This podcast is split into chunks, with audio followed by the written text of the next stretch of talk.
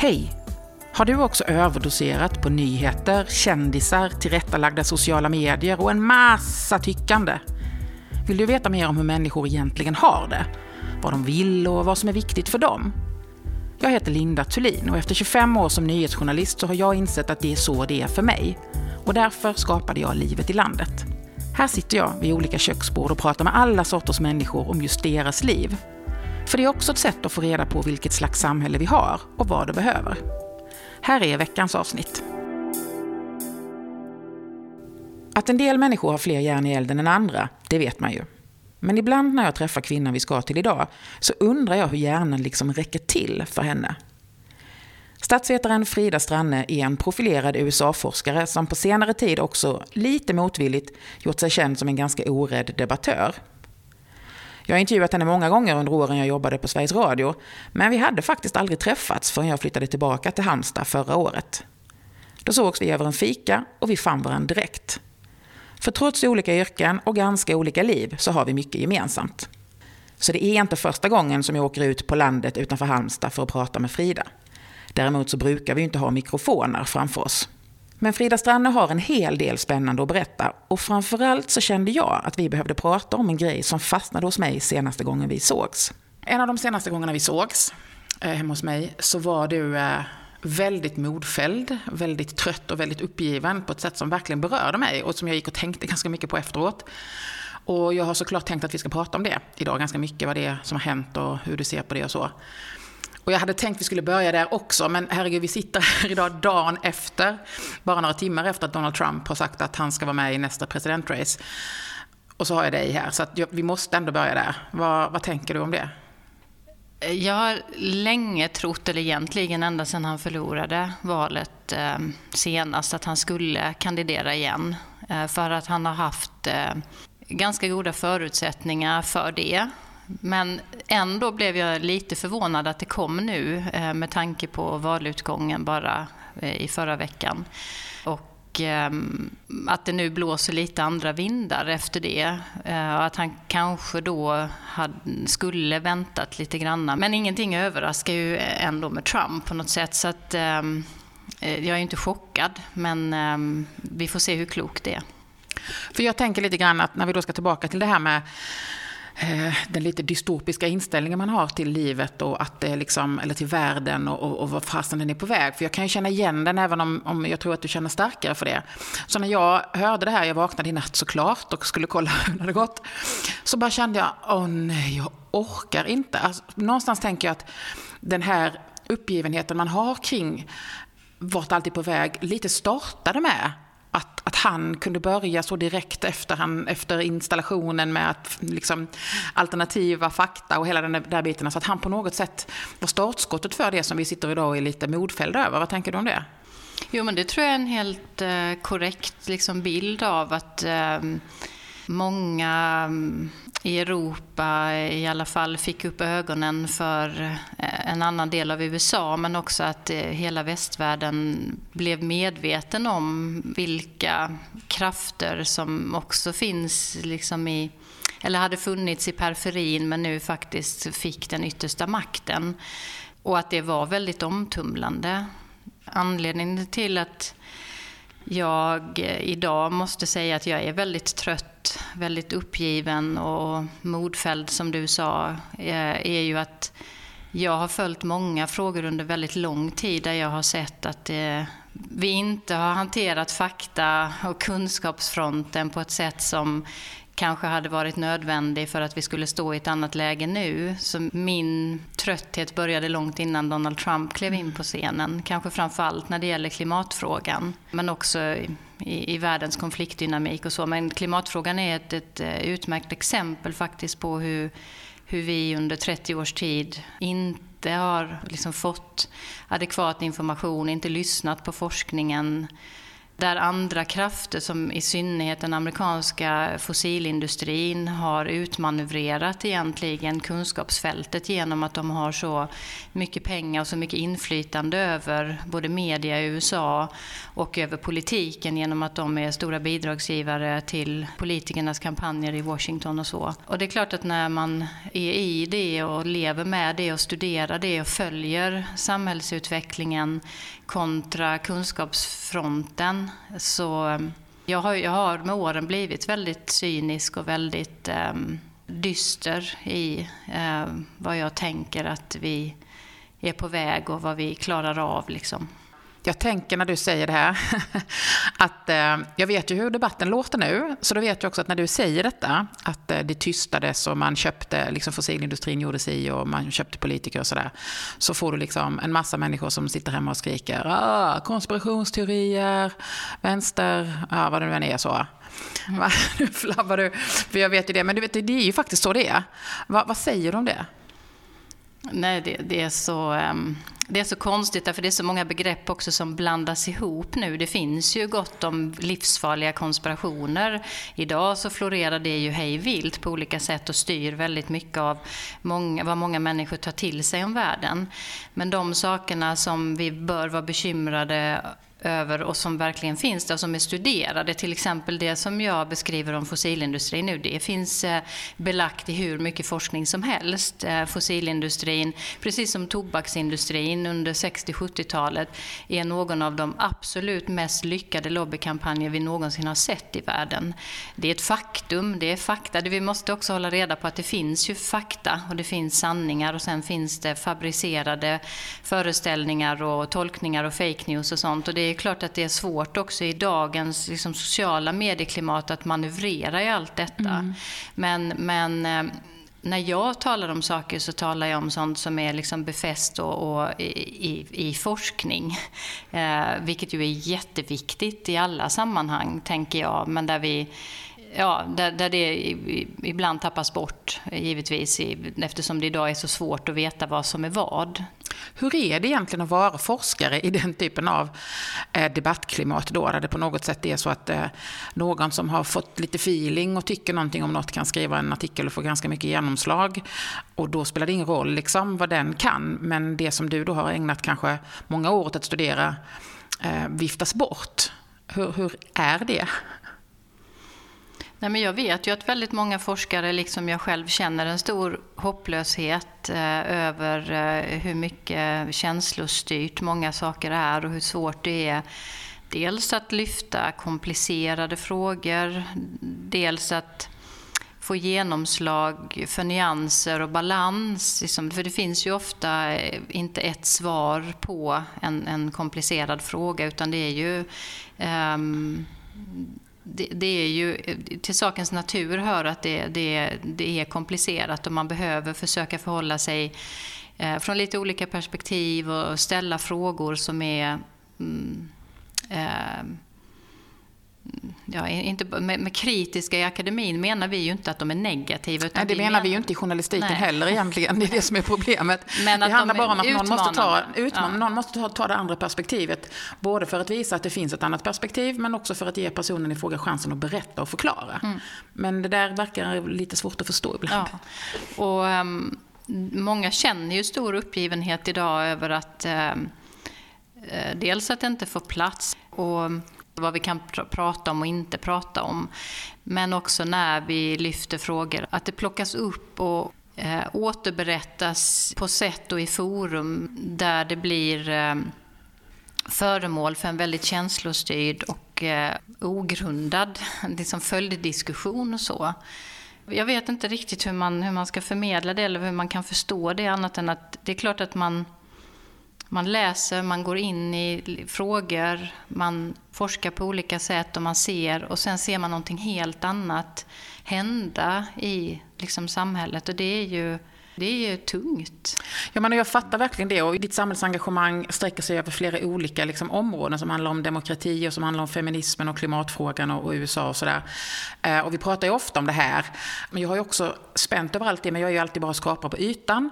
Så när jag nu då lite grann, om man ska säga att det var det jag gjorde, lite flydde från allting för att jag inte stod ut och drog hem och liksom lever eh, det lokala livet, så blir det ju mycket svårare för någon som liksom är så djupt förankrad i det som du är och som har lagt så otroligt mycket tid och har så mycket kunskap. Vad gör det med dig? Att liksom på då område efter område ändå någonstans kanske inte riktigt längre tro på att det går att göra något eller? Ja, jag, jag måste nog faktiskt säga det att jag är, känner stor, stor hopplöshet idag, vilket är jättejobbig känsla. Jag har två barn ähm, som är 32, 7 och 27 de är på liksom språng ut i livet, de är redan vuxna men de är ändå mm, förhoppningsvis lång tid framför sig. Jag har ett litet barnbarn på två och ett halvt år. Och jag har ju dessutom alltid drivits av en stor lust att eh, verkligen försöka sätta mig in i frågorna och bidra så mycket jag kan med någon form av kunskapsspridning. Jag har hela tiden trott på det. Jag har liksom själv dykt ner i kunskap som jag inte alls hade innan. Jag kommer inte från ett akademiskt hem. Jag, jag, blev, för, jag blev överrumplad av hur komplicerad världen var och hur mycket vi också faktiskt vet om saker. Och jag tyckte det var fantastiskt att ge mig in i allt det. Och trodde också länge på att ett engagemang engagemang skulle spela roll.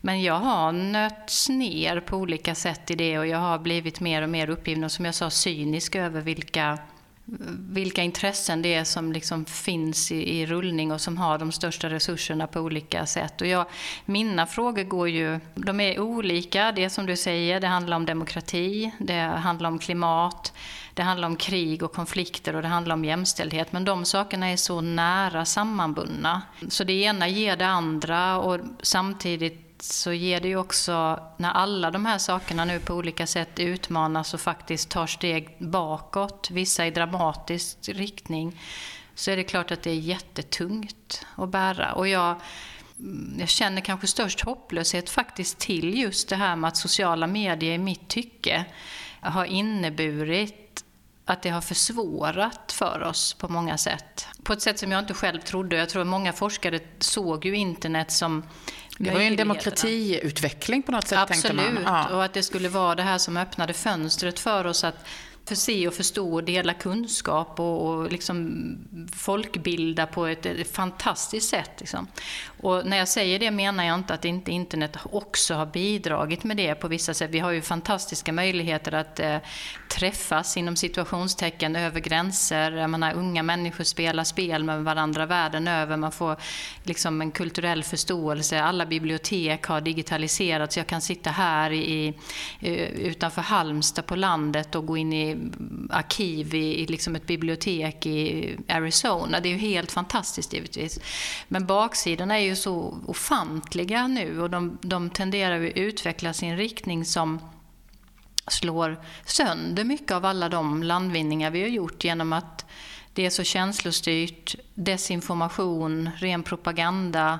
Nu pratar inte jag om några troll eller några, eh, liksom om vem som är bildad och obildad och så, utan jag tänker generellt att vi alla mer eller mindre faller in i att blint tro på saker och dela saker och prata om saker på ett sätt som är mer känslostyrt än faktastyrt. Mm. Gå till vilken middag som helst mellan några vänner och se hur mycket som uttrycks där idag i sådana sammanhang som faktiskt grundar sig på Ja, det är ju inte alltid jättekul att vara människor som är som du och jag, som då lite grann kanske mer är, hur vet du det? Mm. Vad har du för belägg för det? Men det blir ju väldigt jobbig mm. i sin värld. Det är ganska eh, trist eh, uppgift att ha.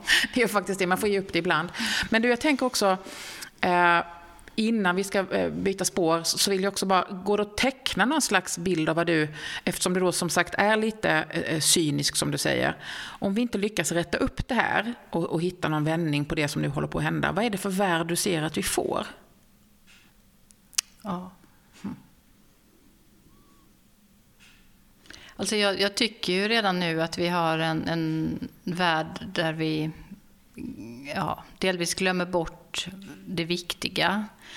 Um, det, den har ju blivit väldigt jag-centrerad också. Och jag, menar, där, ja, jag ska inte, jag ska inte liksom lägga all skuld på sociala medier, men det har också blivit någonstans en, en väldigt centrering kring mm, jaget och hur många klick man får och vänner man har och bekanta. Och liksom, jag tänker att vi glömmer bort är ju liksom vårt, vårt gemensamma ansvar för varandra och för miljön och för att se hur våra egna, egna handlingar på så många sätt liksom är en del av ett jättestort eh, pussel och där det faktiskt är viktigt eh, att vi går utanför jaget och oss själva och, och mm, mm, tänker på um, ja, inte bara hur komplicerat det är, men hur viktigt det är med våra liksom, enskilda handlingar och mönster.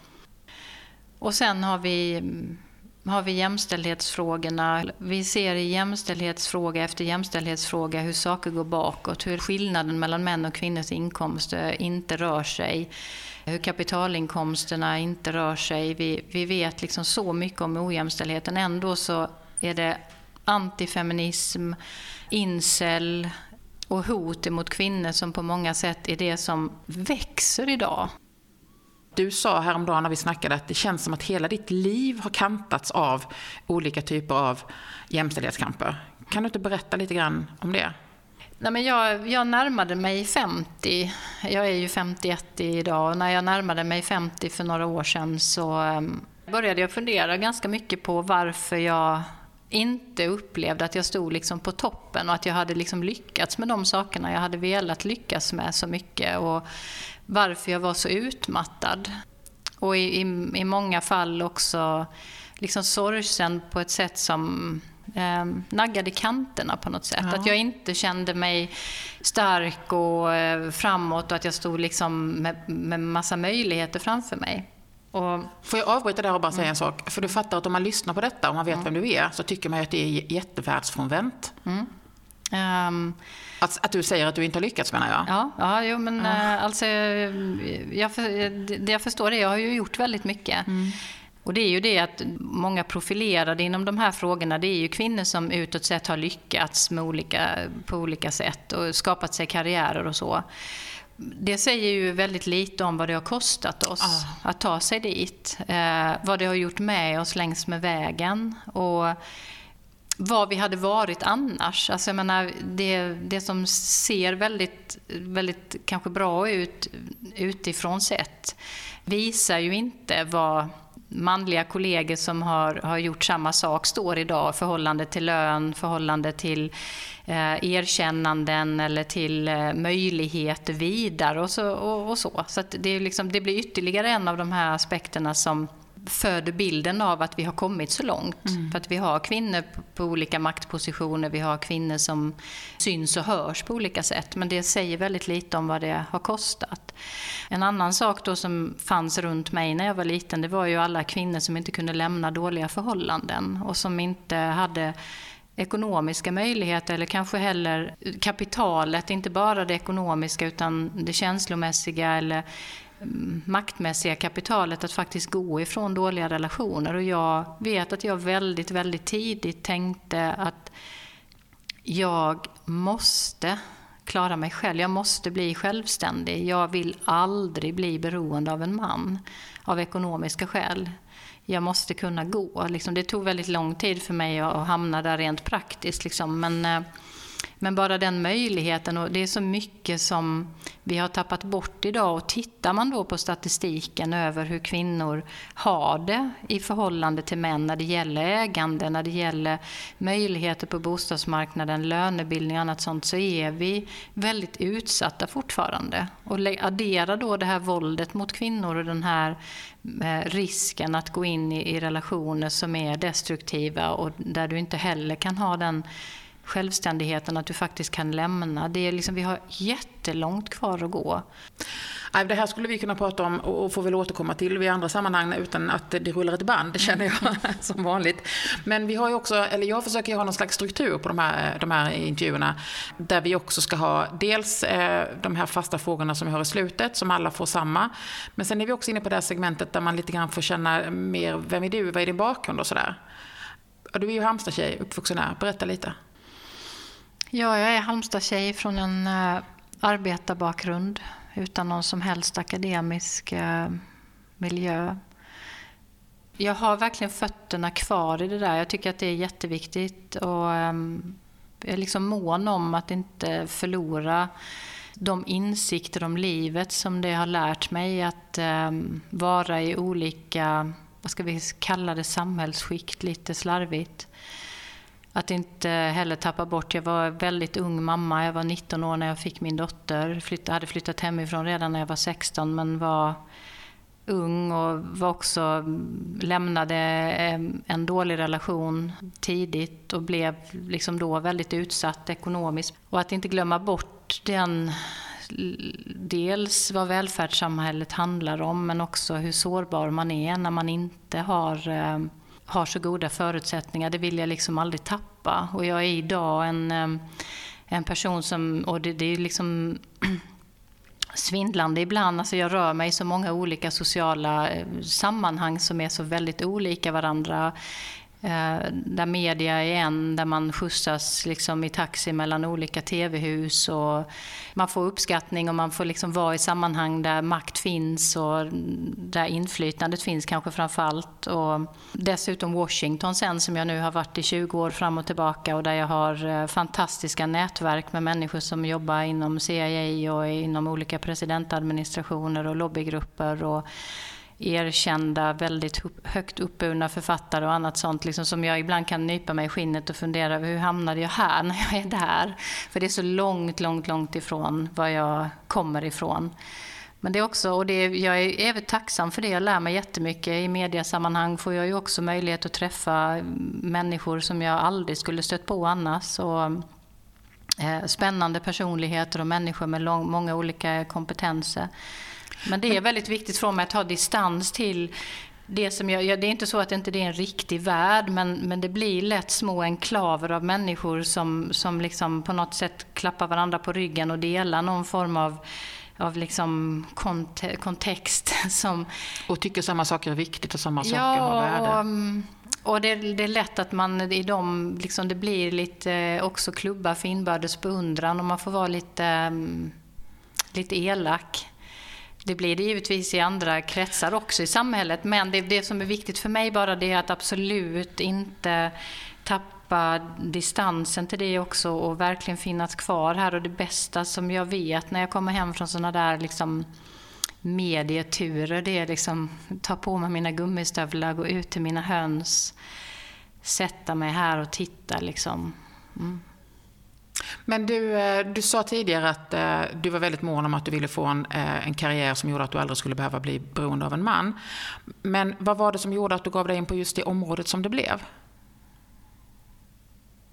Nej, men alltså när jag kom in i akademin så, så öppnades liksom en hel värld som jag inte hade varit medveten om innan. Och jag, alltså jag var som en svamp. Jag tyckte det var helt fantastiskt. Och jag hade haft ganska mycket bestämda uppfattningar om saker och har nog alltid varit liksom engagerad. Men när jag var där så var det ju liksom helt plötsligt en ny, ny kunskapsbank som öppnades och förståelse. Jag började läsa islamologi i Lund för att jag tyckte det var intressant varför religionen spelar så stor roll i världen. Jag är inte själv religiös men jag tyckte det var fascinerande. Och sen så blev det av lite olika anledningar att jag fortsatte inom statsvetenskap och senare internationella relationer och, och freds och konfliktforskning. Men eh, så det var inte ett driv från början? Utan du Nej, absolut inte. Det var också praktiskt därför att jag blev gravid med mitt andra barn och så fanns det någon kurs att läsa här och sen så tog jag det vidare utifrån att jag utvecklade ett intresse. Men jag tyckte det var helt fantastiskt att höra alla dessa människor som kunde så mycket om någonting. Och det blev väl bara en inspiration för mig att det var liksom häftigt och och, och, och, kunna någonting på det sättet. Och när jag sen fick möjligheten och uppmuntrades att söka som doktorand så såg jag det bara som ett stort privilegium att få herregud, få ägna flera år åt att försöka förstå amerikansk utrikespolitik och, och grotta ner sig i någonting och, och liksom inte behöva stoppa för att tiden brister utan att man verkligen, verkligen kan sitta i dokumentarkiv och läsa och intervjua människor och allt det där. Så det var inget självklart val för mig alls utan det ena, jag trodde inte jag skulle klara det heller när jag, när jag doktorerade. Jag Alltså, jag kan knappt prata om det utan att gråta för att det var som att jag bara tog mig i land liksom med det. Utan någon som helst egentligen förståelse för var, vad det är. Liksom att... Um, uh, alltså ingen, ingen, ingenting med mig någonstans ifrån, ingen guidning, inga, inga liksom direkt handledning ifrån min omgivning eller så. Och med två barn pendlandes i många år, ensamstående fram och tillbaka till Göteborg. Jag har två jättefina, fullt fungerande, enormt eh, fina barn idag. Trots det. ja, eller kanske tack vare, man vet aldrig. Men du, eh, Eh, jag tänker på när du säger om alla de här miljöerna som du nu hamnar i, där du ibland får liksom nypa dig i armen och sådär. Hur mycket av eh, arbetarungen från Halmstad finns med i de där sammanhangen då? Ja, men jag, jag, skulle vilja säga ganska mycket just därför att de perspektiven, om man betänker återigen att jag ganska tidigt gav mig ut och reste på landsbygden i USA för att försöka förstå någonting annat än det som jag fick av liksom den etablerade eliten i Washington, eh, skulle jag tro. Eh, man får väl fråga en psykolog kanske, men jag skulle tro att det har med saken att göra. Och att jag också har kunnat möta människor um, ute i USA på deras villkor på något sätt. Jag, jag tror att jag jag har ingen, det är många som sätter politiska etiketter på mig hela tiden. Men jag är bara nyfiken på, jag, jag vill förstå båda sidor. Jag har också liksom delvis rört mig lite fram och tillbaka kanske kring min förståelse av samhället och vad som driver vad, alltså vad, vad som är olika samhällsklassers roll och positioner, vad som händer i olika sammanhang utifrån att jag själv ju då också har gjort en klassresa, helt klart. Jag tillhör ju en helt annan social del av samhället idag när jag växte upp. Liksom. Men det har gjort dels att jag kanske har en förståelse för olika aspekter av delar i allt det där. Men också genuint i, i mitt arbete har jag velat förstå hur amerikaner tänker, både om du tycker att Trump är liksom det bästa i världen eller om du är en människorättskämpe som nu kämpar för aborträtten för kvinnor och är superliberal. Liksom. Så att jag, det måste finnas med på det sättet tror jag. Du bor ju här numera då ute på landet i Halmstad. I denna villa som, eh, där man ser ut över hela slätten vid, eh, ut mot eh, Gyllenes Harplinge där, är det det? Mm. Ja. Hur hamnade ni här ute? Det var en ren slump. också som så mycket annat. Men den bästa som har hänt mig tror jag faktiskt på många sätt. Jag hade precis bott i Washington ett år som gästforskare. Ähm, själv, utan min familj. och kom tillbaka. Vi hade båda sökt jobb i Stockholm då. Min son hade, mitt andra barn hade, liksom, var precis på väg ut. Så att ehm, liksom, livet tog en ny vändning i med det också ju. Och vi var på väg att flytta till Stockholm. Min man har bott där i tio år innan, ehm, för länge sedan. Så att, eh, och jag har också bott i Stockholm ett par år. Så, så det kändes ganska naturligt. Sen var vi ute och körde här och ehm, den här platsen var till salu. Och det var en fantastisk sommardag. Och vi satte oss här med kaffetermos och en macka på en sten. Och jag vet inte, för det här låter... Jag är ju inte religiös, men det, här, det var något religiöst eller andligt över den stunden. För min man har aldrig riktigt velat vara fast på en punkt. Han har flyttat mycket och sen har han rest väldigt mycket runt om i världen och så. Och jag kände väl kanske att jag hade varit fast ganska länge här och eller förankrad, framförallt för att ge barnen en, en grundtrygghet och så. Och här, vi tittade på varandra och det tog inte många minuter förrän vi liksom, här kan man verkligen vara. Och sen hade vi köpt den här biten mark, för det är en lite större bit mark som ligger utanför planerat område. Inte väg, inte vatten, inte avlopp, ingenting. Och tio dagar senare så hade vi skrivit på papperna. Och vi har varje dag vaknat upp här nästan och tänkt att vilken lycka att få vara här ett tag vet inte hur länge, om det är för alltid, men vilken fantastisk lugn här är i jämförelse med mitt kaotiska liv och kanske framförallt i relation till att jag är så bekymrad över världen där ute så att det blir på något sätt väldigt viktigt att få stänga in sig här eller känna en viss distans ifrån allt det där och få hitta det, det viktiga i det lilla här vad det gäller odla grönsaker, blommor som växer, saker som liksom sker efter årscykeln och kommer tillbaka och som att få sköta om någonting ger resultat här.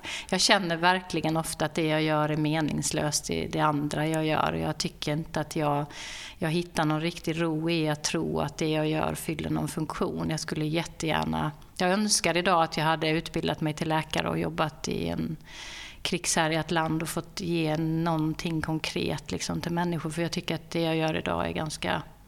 Ja, det spelar inte så stor roll. det är ett tecken på att du är i en kris, det är helt ja. uppenbart. Been there, done that, så att jag fattar. Men det här med att, att sätta en dahlialök på våren och se all det här liksom komma upp sen och nu då få ha min lilla Alma som är mitt lilla barnbarn och vara med i det. Liksom det ja, det, för jag tycker det är jättesvårt att koppla av allt det där utanför samtidigt. Ja. Det är det som ja, jag är vet. Du frågar mig ibland hur jag gör. Mm. Mm. jag tyckte att det var väldigt, väldigt svårt. När jag var mitt i nyhetspulsen på Ekot och jobbade mycket med de här direkta nyheterna och så fort det hände något stort skulle vi in och sända och så. Ja, då gick jag ju sönder liksom, för det pallade inte jag. För jag var ju liksom i navet av all världens elände hela tiden och kunde inte riktigt skydda mig från det. Eh, men bara av att flytta hem och kliva ut ur nyhetsfabriken så att säga räddade ju mig väldigt mycket. Jag kan ju fortfarande ha kvar mycket av mina passioner och drivkrafter och så men jag behöver inte jobba med det liksom och då, då är det genast lättare. Men det var som jag sa innan, vi har liksom olika perspektiv där.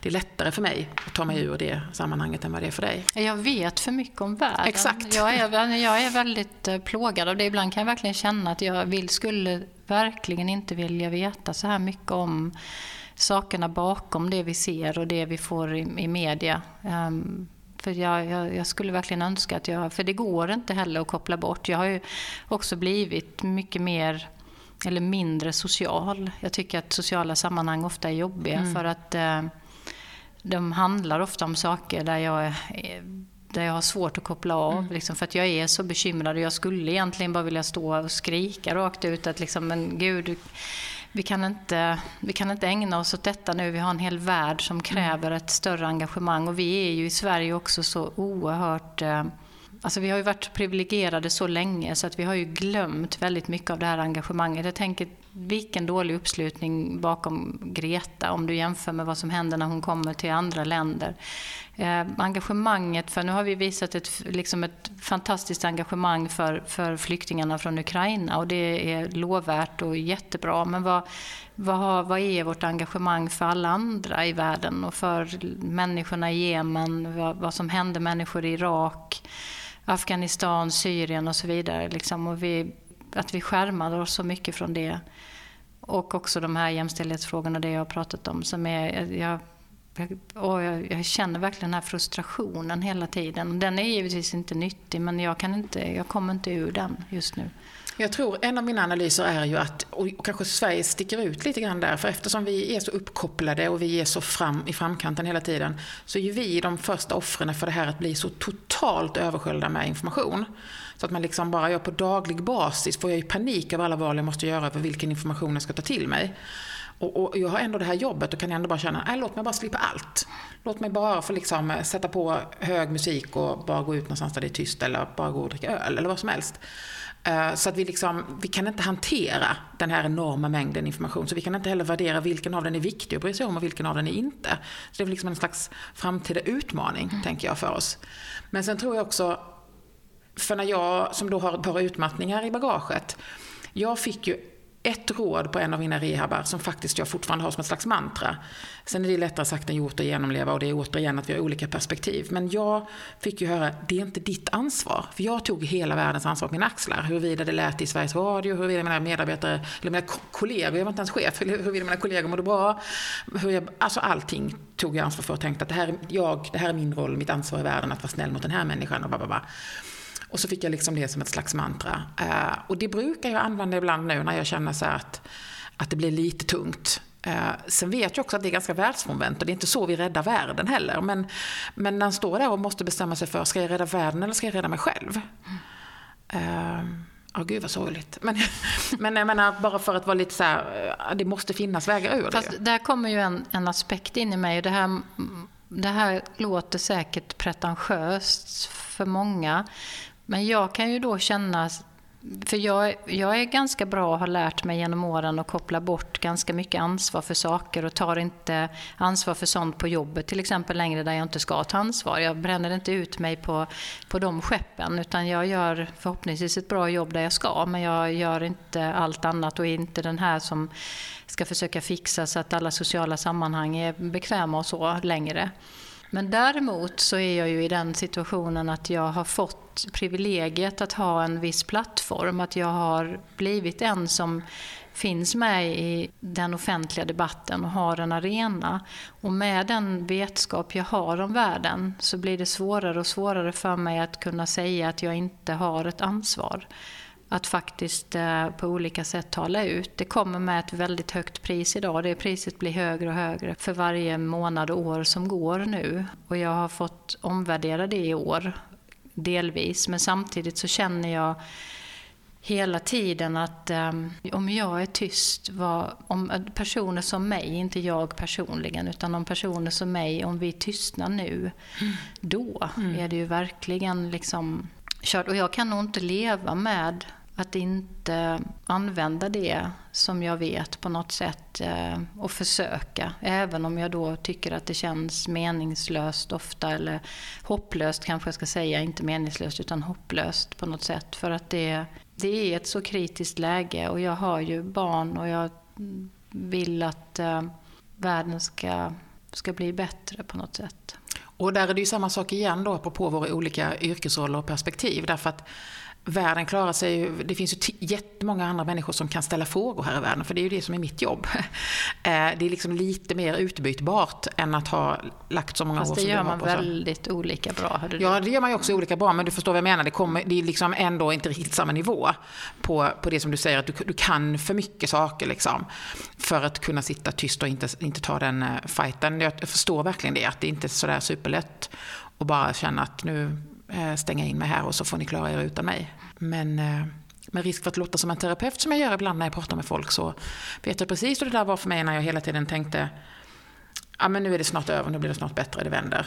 Och sen så gör det inte det och då står man där och tänker varför fattade jag inte det här innan? Alltså det är någonting med en där som man måste ta ordentligt hand om för att det sliter ju mycket just när man inte har hoppet. Absolut, men då är jag ju också... Nu har jag precis varit i Washington i tre veckor och där är människor som där, där, finns en annan intellektuell höjd skulle jag säga. Det finns en annan, det är väldigt mycket av det som är väldigt politiserat och väldigt högljutt och så, men det finns också enormt eh, stora möjligheter att ta höj, en helt annan höjd i vad man förmår att prata om och eh, föra fram saker som är obekväma och som triggar igång mycket men där det ändå finns en respekt för att eh, frågor som rör till exempel amerikansk utrikespolitik måste diskuteras. När är det kontraproduktivt? Vad gör man fel och vad gör man rätt? Liksom.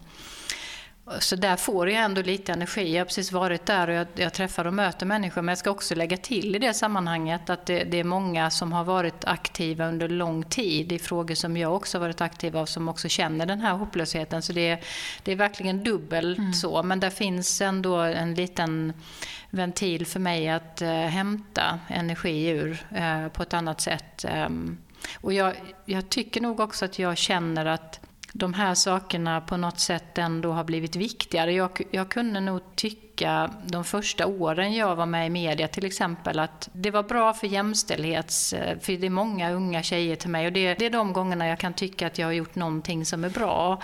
Det är att det faktiskt kommer fram tjejer till mig, unga tjejer som säger att oh, jag har sett dig i media, jag vill också bli liksom expert eller USA-expert eller jag har följt dig och det är så häftigt och sån styrka att kunna se att man faktiskt kan, kan vara med och ta plats och sådär. Tjejer som slåss med de här ojämställdheterna, som känner av dem. För många unga tjejer idag är ju väldigt mycket mer medvetna samtidigt, vilket är bra än vad jag var. Jag gick ju länge, liksom 20-30 år, utan att fatta hur, vilken ojämställdhet jag befann mig i och jag liksom tog slut på mig för att jag inte förstod. Liksom. Så jag gjorde fel grejer hela tiden. Men den biten är ju verkligen um, den har, den har varit viktig, men samtidigt kunde jag känna att man inte...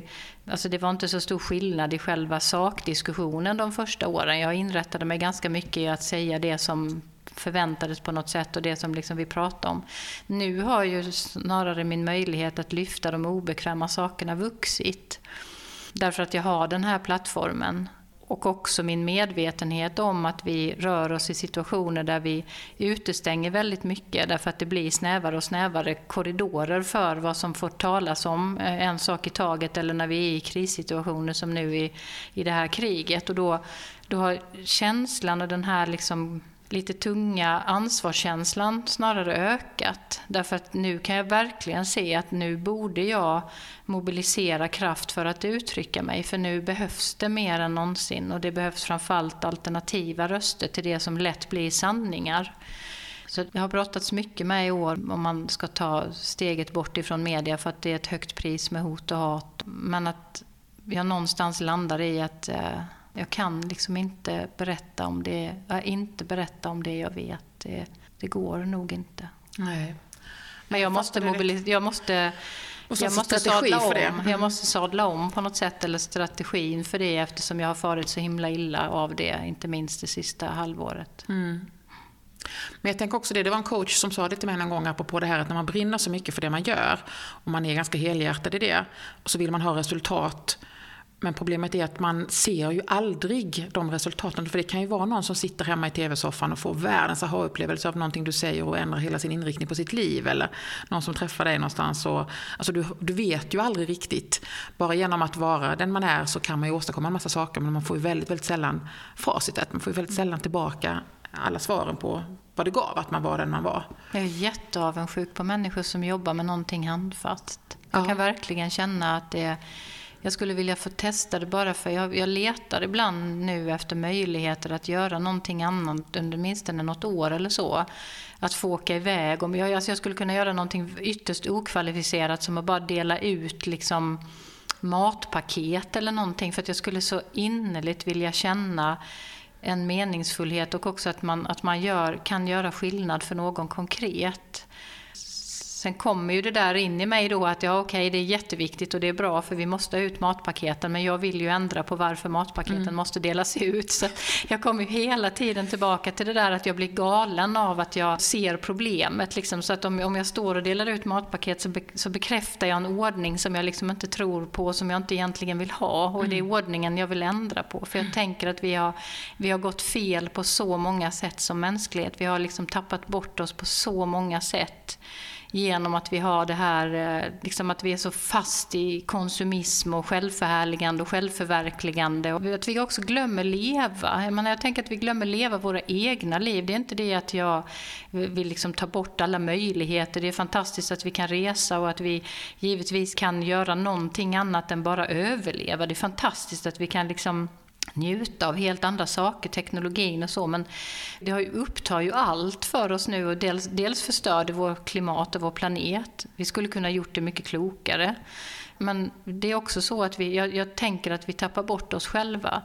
Jag kan bara tänka på det som har hänt mig sen jag flyttade hit. Att, och jag har ju då alltid varit ganska medveten. Och ändå när jag flyttade hit och bara började odla liksom egna grönsaker och bara komma tillbaka till den där saken att respektera det liksom världen ger oss och det som vi bör ömma och vara så rädda om. Att jag idag när jag går i affären inte väljer bort liksom kantstötta grönsaker. Jag, jag komposterar, jag, jag liksom känner nästan liksom en...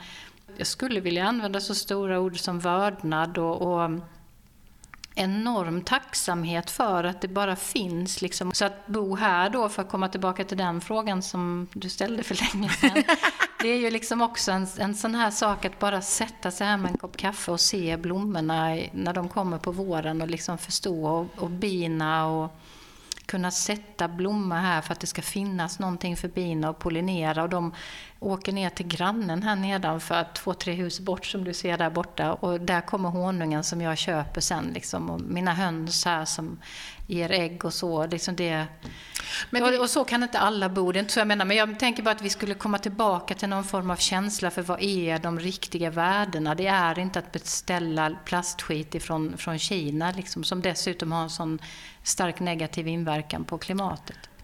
Du, vi, vi babblar på här i vanlig ordning, men jag har ju också de här fasta frågorna som vi ska avrunda med. Och eh, nu har jag börjat lära mig dem utantill så jag slipper fusklapp. Eh, den första frågan är, vilken livsförändring är du mest stolt eller nöjd över? det modigaste jag har gjort, det var när jag tackade ja till att vara gästforskare i Washington ett år utan min familj, för det fanns inga ekonomiska möjligheter att liksom åka allihopa. Nu ska vi veta att min, min dotter hade redan flyttat hemifrån och min son skulle precis bli myndig det året, men det var en jättestor sak för mig, för jag hade de senaste 23 åren aldrig varit utan mina barn, utan haft dem väldigt nära mig. Och var på många sätt livrädd för det steget. Men det är det bästa jag har gjort för mig själv och det är det viktigaste jag har gett till mig själv i mitt liv faktiskt. Att jag tvingades att hitta vem jag är när jag inte bara jobbar eller är mamma fulltid. Och att jag faktiskt insåg då att jag aldrig har haft möjlighet att ställa den frågan riktigt utifrån hur mina levnadsförhållanden har sett ut eh, i mitt liv, både när jag växte upp och, och sen att jag blev så ung mamma. Och att bara behöva mm, konfrontera det och söka efter någonting annat i sig själv. Det var helt fantastiskt för mig som människa. Jag är så tacksam över att jag vågade göra det. Jag valde att göra det. Jag fattar verkligen det. Det är svårt att nästan greppa den där grejen som du sa, just om du hade haft dem nära dig i 23 år och sen så mm. drar du till andra sidan jorden. Mm. I princip. Det eh. fina är att min son han sa till mig då att men mamma du har ju alltid lärt oss att det här med närhet inte är liksom bara fysiskt utan det är hur man finns till liksom för varandra. Så. Och han var den verkligen som pushade mig att åka för mm. att han tyckte att det, mamma du har investerat så mycket i oss. Fint. Mm. Du, eh, vem av dina vänner eller bekanta har ett liv som skiljer sig allra mest från ditt? Ja, alltså jag har ju privilegiet att ha väldigt ja, mycket olika vänner. Ja. Um, även om jag inte är en person som har väldigt mycket vänner omkring mig, med mycket bekanta. Och jag möter ju så mycket folk i olika sammanhang som är verkligen olika världar. Så att det är klart att de som finns i Washington och finns liksom där makt är, där lever väldigt, väldigt långt ifrån mitt liv. Men jag skulle ändå vilja dra det närmare mig och, och säga en mycket nära och mycket betydelsefull person i mitt liv som har jobbat inom handikappomsorgen i alla år med eh, psykiskt funktionshindrade personer och som sliter i ett eh, låglöneyrke som kvinna med eh, helt andra liksom, premisser för livet än vad, jag, än vad jag har. Och jag, jag beundrar verkligen henne och alla andra som liksom eh, finns i de här tunga eh, kvinnoyrkena på olika sätt. Och det får jag ändå säga att det liksom är det som nog ligger längst ifrån vad jag är just nu. Vad är lyx för dig? Ja, för, förutom det där vanliga, att eh, jag menar, ja, herregud, se mitt lilla barnbarn eller när jag hämtar henne på dagis och hon springer med öppna armar. Mormor, mormor. Det är ju kaffekoppen i solen här när jag tar en paus från datorn. Att inte vara rädd för uh, att kunna betala räkningarna är väl den kanske absolut uh, största lyxen egentligen. Mm. Att veta att man klarar sig. Att jag nu som alla andra kommer att känna av den här förfärliga lågkonjunkturen men ändå veta att uh, okej, okay, jag kommer få dra ner på mycket och annat men jag kommer klara mig. Den lite mer liksom egobiten i det är ändå alltså att en, en riktig lyx för mig det är ju en, en timme över. För mm. det har jag nästan aldrig. Nej, det, är min, det är min nästa fråga. Mm. Eh, vad gör du när du har en timme över? ja, jag har faktiskt nästan... Um, liksom glömt det. Jag, jag, vad, vad, vill jag ens göra? Um, men jag, när jag säger det så låter det ju... Det, det låter um, förfärligt. Ja, och det, och det är faktiskt... Alltså, på, till vissa delar är det förfärligt också för att jag, jag jobbar eh, på tok, på tok för mycket. Uh, och tar på mig för många saker som uh, kräver väldigt mycket av mig. Men när jag säger det så menar jag den där timmen som jag inte har intecknat åt något som jag liksom också vill göra. Alltså, så det är klart att jag inte bara jobbar, jag är så mycket jag kan med mina barn och med mitt barnbarn. Jag eh, måste ju ut här i trädgården och göra saker eftersom om inte min man ska behöva göra precis allting. Ehm, och laga mat och så. Det är inte det att jag aldrig pausar från det, men jag har nästan aldrig um, en timme då jag inte vet vad jag ska göra. Den känslan av att, alltså jag skulle ju vilja ha några dagar då jag inte vet vad jag ska göra. Eller att jag liksom skulle ja, men bara en liten period där jag kan känna att jag, jag inte har någonting. Jag, jag längtar efter att läsa skönlitterärt igen. Det är länge sedan jag hade tid att göra det. Sitta i en solstol. Jag var iväg i, i våras två veckor för att jag var tvungen att åka iväg för att få skrivro. Då satt jag ju liksom på balkongen i, från sju på morgonen, tog en paus och sen gick jag och skrev igen fram till sju, åtta på kvällen. Liksom. Så att jag, att bara tänka och vara iväg någonstans i, där det är varmt och skönt och kunna sitta och bara vara. Det. Vad skulle krävas för att du skulle kunna eh, få till det där då? Ja, men det är framförallt eh, att eh, jag inte inte eh, ta på mig några uppdrag, att jag inte tackar ja till liksom möjligheter som, som ges på olika sätt. Nu är jag ju i färd med att skriva en ny bok och som ska bli klar till en viss tid och som bara till en liten del egentligen gör inom ramen för mitt arbete utan det allra mesta intecknas liksom av fritid, helger, kvällar och semester och sådär. Och jag har ju blivit inslängd i massa väldigt spännande saker genom åren och jag får en massa roliga frågor om att vara del av projekt och komma och för, hålla föredrag och vara med i media till exempel och sådär. Men det handlar ju om att liksom säga nej till saker som kostar för mycket helt Har du svårt för att säga nej? Alltså jag säger nej. Jag säger nej till de allra mesta frågorna jag får i media. Fastän jag är i perioder är med mycket så vill jag bara vara med i sammanhang där jag tror att jag kan bidra. Vilket innebär att jag också säger nej till mycket. Men ehm, jag, jag kanske har haft svårt att säga nej för att jag har fått vara med om så många olika intressanta sammanhang. Där jag faktiskt kanske inte haft svårt att säga nej utan jag inte har velat säga nej.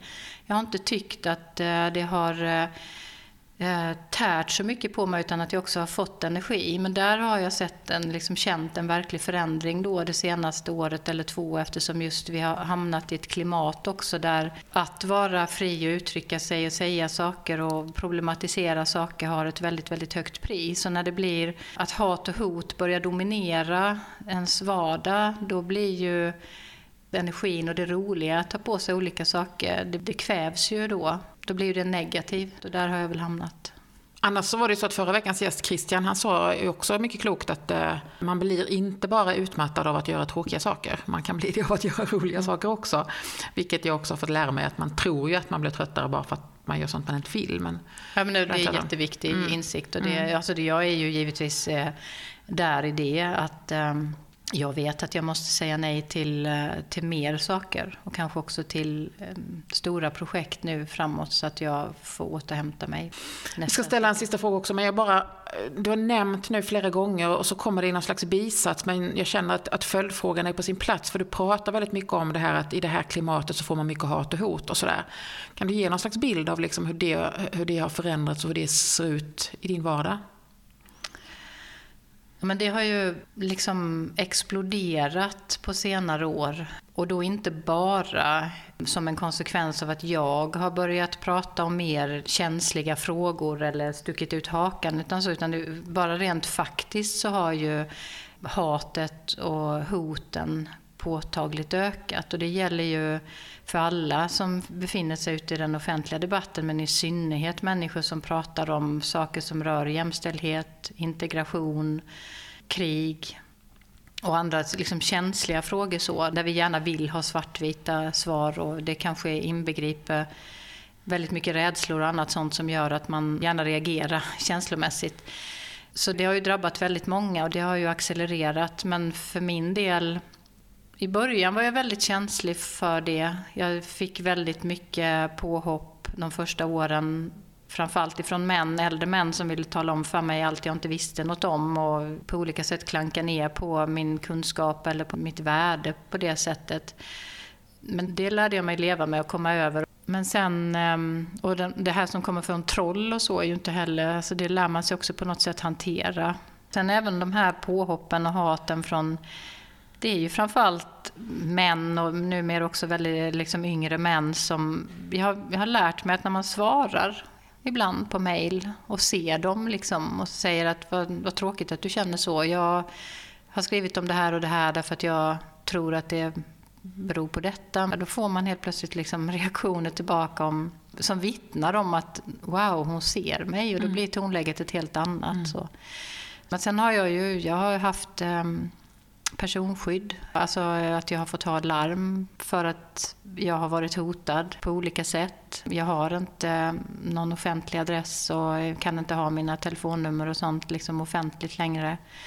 Och det där liksom kontinuerliga hatet, det är klart att det tär och tar ner dig som liksom människa. Att det är någon sak som också smyger sig på successivt och som du kanske inte riktigt ser att det att det gör att man inte tar vissa strider och inte vissa fighter för att man känner att man inte orkar. Liksom, jag kan inte ta den hatvågen just nu. Och, och det är ju livsfarligt för vi har ju börjat censurera oss. Och det har jag ju hört många forskare, inte minst, som säger att jag gör det inte längre. Jag skriver inte om min forskning eller någon debattartikel därför att jag klarar inte det hatet som är och de konsekvenserna det får och det ifrågasättandet. Liksom. Och det är ju helt förfärligt. Mm. Och sen är det ju, nu har jag ju varit ute i mer känsliga frågor och inte minst i år var jag det under våren. Jag, jag, I NATO-debatten ska vi bara säga ja, för att förtydliga. Mm. Det var väl inte bara i NATO-debatten utan egentligen hur vi Eh, hur vi förstår konfliktdynamiken i världen och vad som är liksom hur vi bortser från vissa faktorer när vi analyserar och vad vi, att vi behöver förstå fler aspekter av vad som leder till krig och framförallt hur vi får stopp på krigen. Min yttersta poäng som konfliktforskare det är ju hur når vi fred? Liksom, mm. Hur får vi slut på krigen? Och då behöver vi ofta komplicera det mer än vad som händer i ett krisläge när alla blir rädda och vi liksom inte ser klart för att det är så mycket som händer som är skrämmande. Den, den hatstormen som jag drabbades av då, den, den tror jag få kan förstå liksom proportionerna av eller hur det, vad det får för konsekvenser för en. För att det, man kan inte andas, liksom. det tar ju tid att ens få luft och hämta sig som, som människa. Men det handlar ju väldigt mycket om hur etablerade journalister också agerar i ett sånt läge och vad som, vad som sägs och hur man inte kan skilja på dels sak och person men hur man också etablerade röster inte vill förstå komplexiteten utan gärna också placera en i fack. Eller, ja, det, är så mycket konstigt som händer i sådana där sammanhang mm. eller sådana där lägen så att det är så svårt att greppa. Jag är nog fortfarande inte riktigt färdig med att analysera helheten av det. Du, eh, sista frågan. Och den känns ju nästan helt obsolet när man eh, har att göra med dig för man tänker att inte kan du väl behöva lära dig mer men eh, det vill du såklart. Vad vill du lära dig mer om i så fall? Ja, det är en sak som jag verkligen sådär barnsligt gärna skulle vilja lära mig mer av och det är rymden. Och det är också en konsekvens av att ha flyttat ut hit. Ja. För här finns inte några, här finns ju inga gatlyktor och annat runt oss och vi bor, har ju långt till närmsta hus och så. Så här är verkligen ett mycket mer kompakt mörker. Så stjärnhimlen här är ju helt fantastisk. Um, och jag fick när jag fyllde 50 dessutom en, en stjärnkikare där. Um, så där man till och med kan se liksom, månen i detalj och andra, till och med andra stjärnsystem och så. Uh, och jag, jag, tycker det, är liksom det där oändliga, det där ogreppbara, det är liksom så fascinerande vad vi är. Och jag är ju som, som jag sa inte religiös, men jag är nog ändå liksom på något sätt andlig eller nyfiken på energier och vad som är det rent fysiska i världen. Vad vi förstår och inte förstår av allt som finns runt om oss. Liksom, och där rymden är är helt makalös. Jag, jag är ju totalt obegåvad på den typen av logik och så. Mm. Så att jag har försökt att följa med nu vad som har hänt med den här nya vi har skjutit upp som mm. tar bilder från universums ursprung och så. Och de här svarta hålen och liksom Big Bang och så. Det, jag följer de bilderna. Och det är helt, helt svindlande. Men för också tillbaka till det här, tror jag, kanske knyter ihop lite min förtvivlan över vad vi gör med världen. Därför att vi är så obetydliga i alltet och här har vi en planet med så mycket möjligheter, med så fantastisk liksom, natur och som har gett oss så mycket. Och så gör vi så mycket destruktiva saker som förstör allt det. det är liksom, så kanske hänger det ihop. Tack så mycket för att jag fick komma hit. Tack för att du kom. Du har lyssnat på Livet i landet, en fristående podcast producerad av mig, Linda Thulin. Mer information finns på livetilandet.se eller på Facebook-sidan med samma namn. Tack för att du lyssnar och kom gärna tillbaka. Hej då!